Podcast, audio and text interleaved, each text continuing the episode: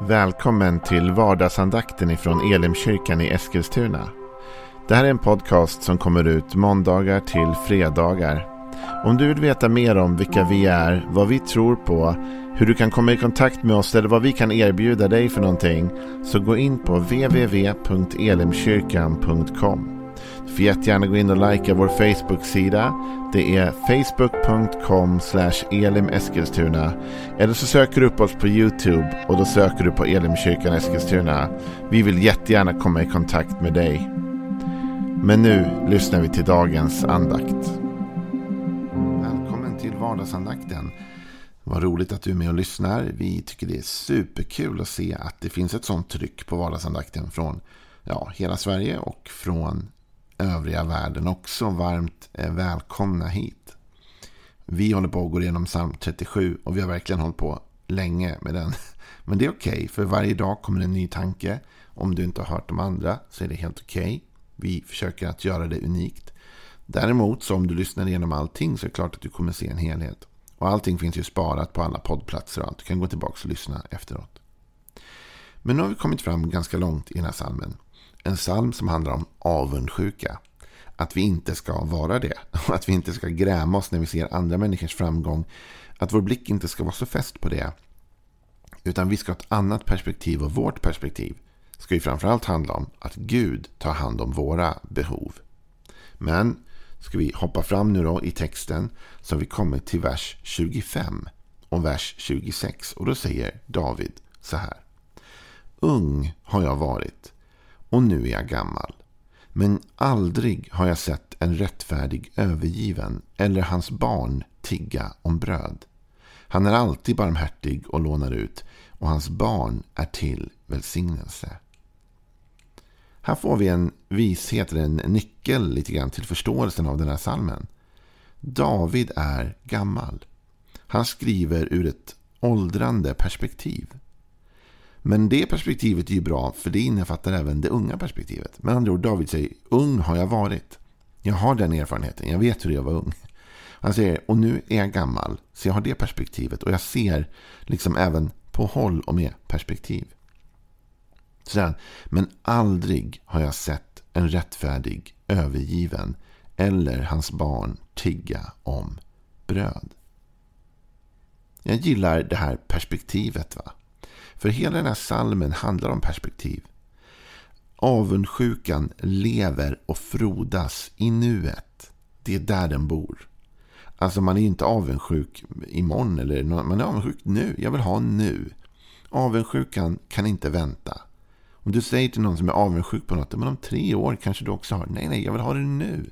Det är idag jag vill ha det. Jag är avundsjuk precis just nu. Avundsjukan lever i nuet. Den vill få dig att se att nu saknar du någonting och du borde ha någonting annat nu. Men med perspektiv så dör avundsjukan ut. Och med en förtröstan på Herren att han kommer före mig dit jag behöver i sinom tid så dör också avundsjukan ut. David säger här okej, okay, jag har ett par erfarenheter med mig nu med perspektiv. Från det att jag var ung till det att jag är gammal så finns det ett par saker jag har sett liksom vara konstant genom livet. Jag har aldrig sett en rättfärdig övergiven, säger David. Jag gillar uttrycket övergiven.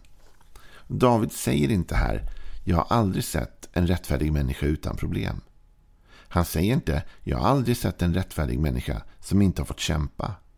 Eller jag har aldrig sett en rättfärdig människa ha det jobbigt. Eller ha det tufft. Eller ha utmaningar.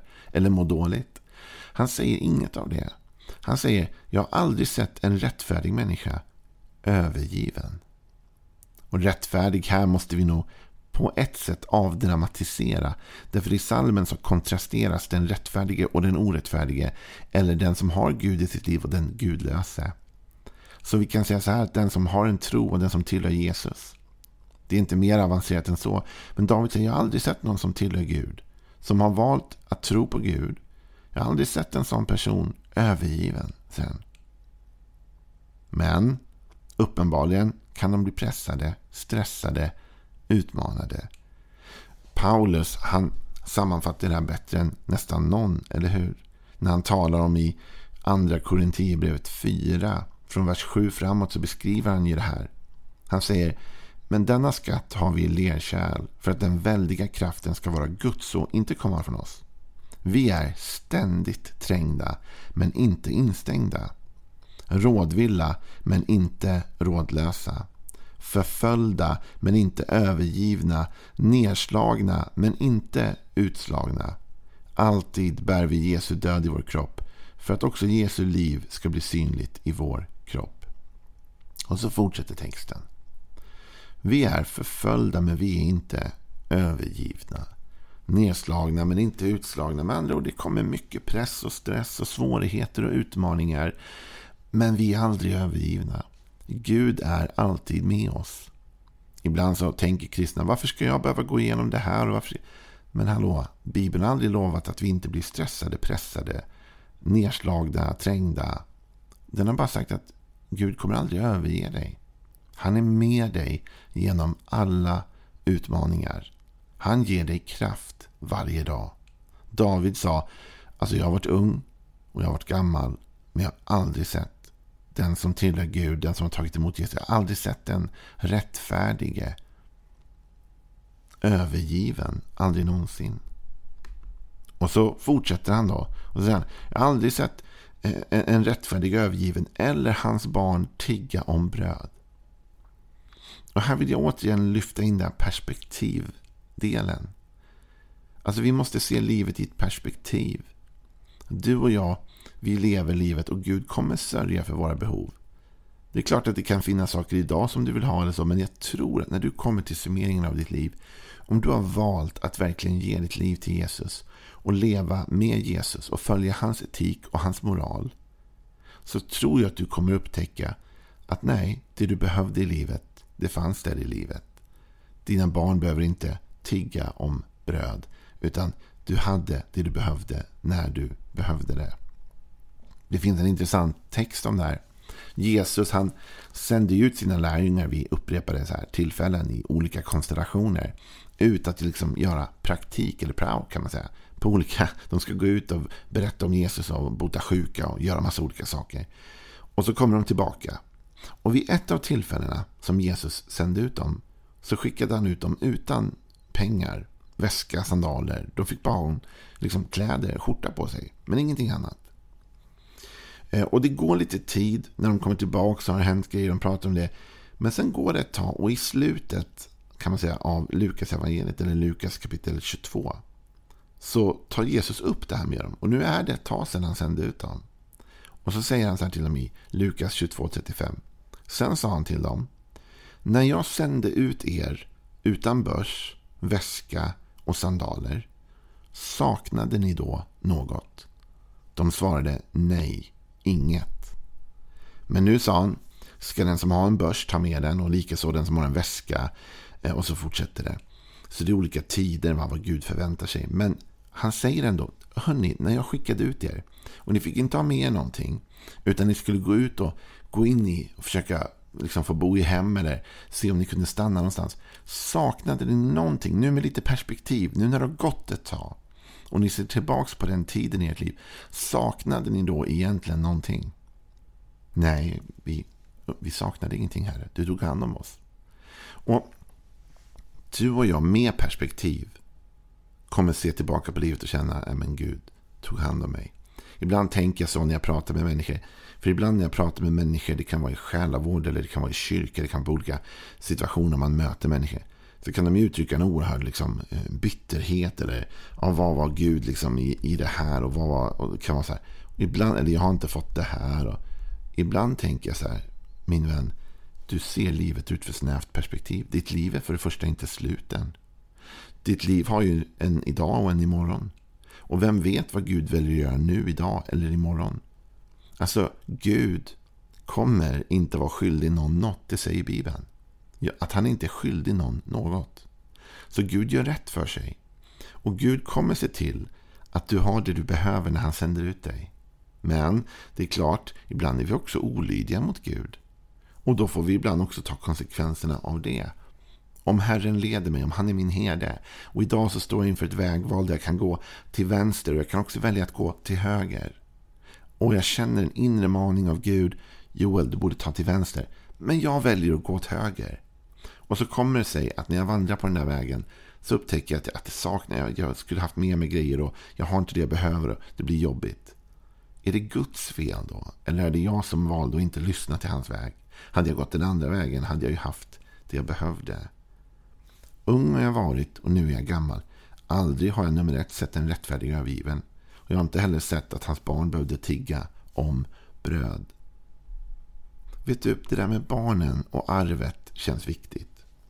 Ordspråksboken 13.22 säger Den gode lämnar arv åt barnbarnen. Men syndarens egendom förvaras åt den rättfärdige.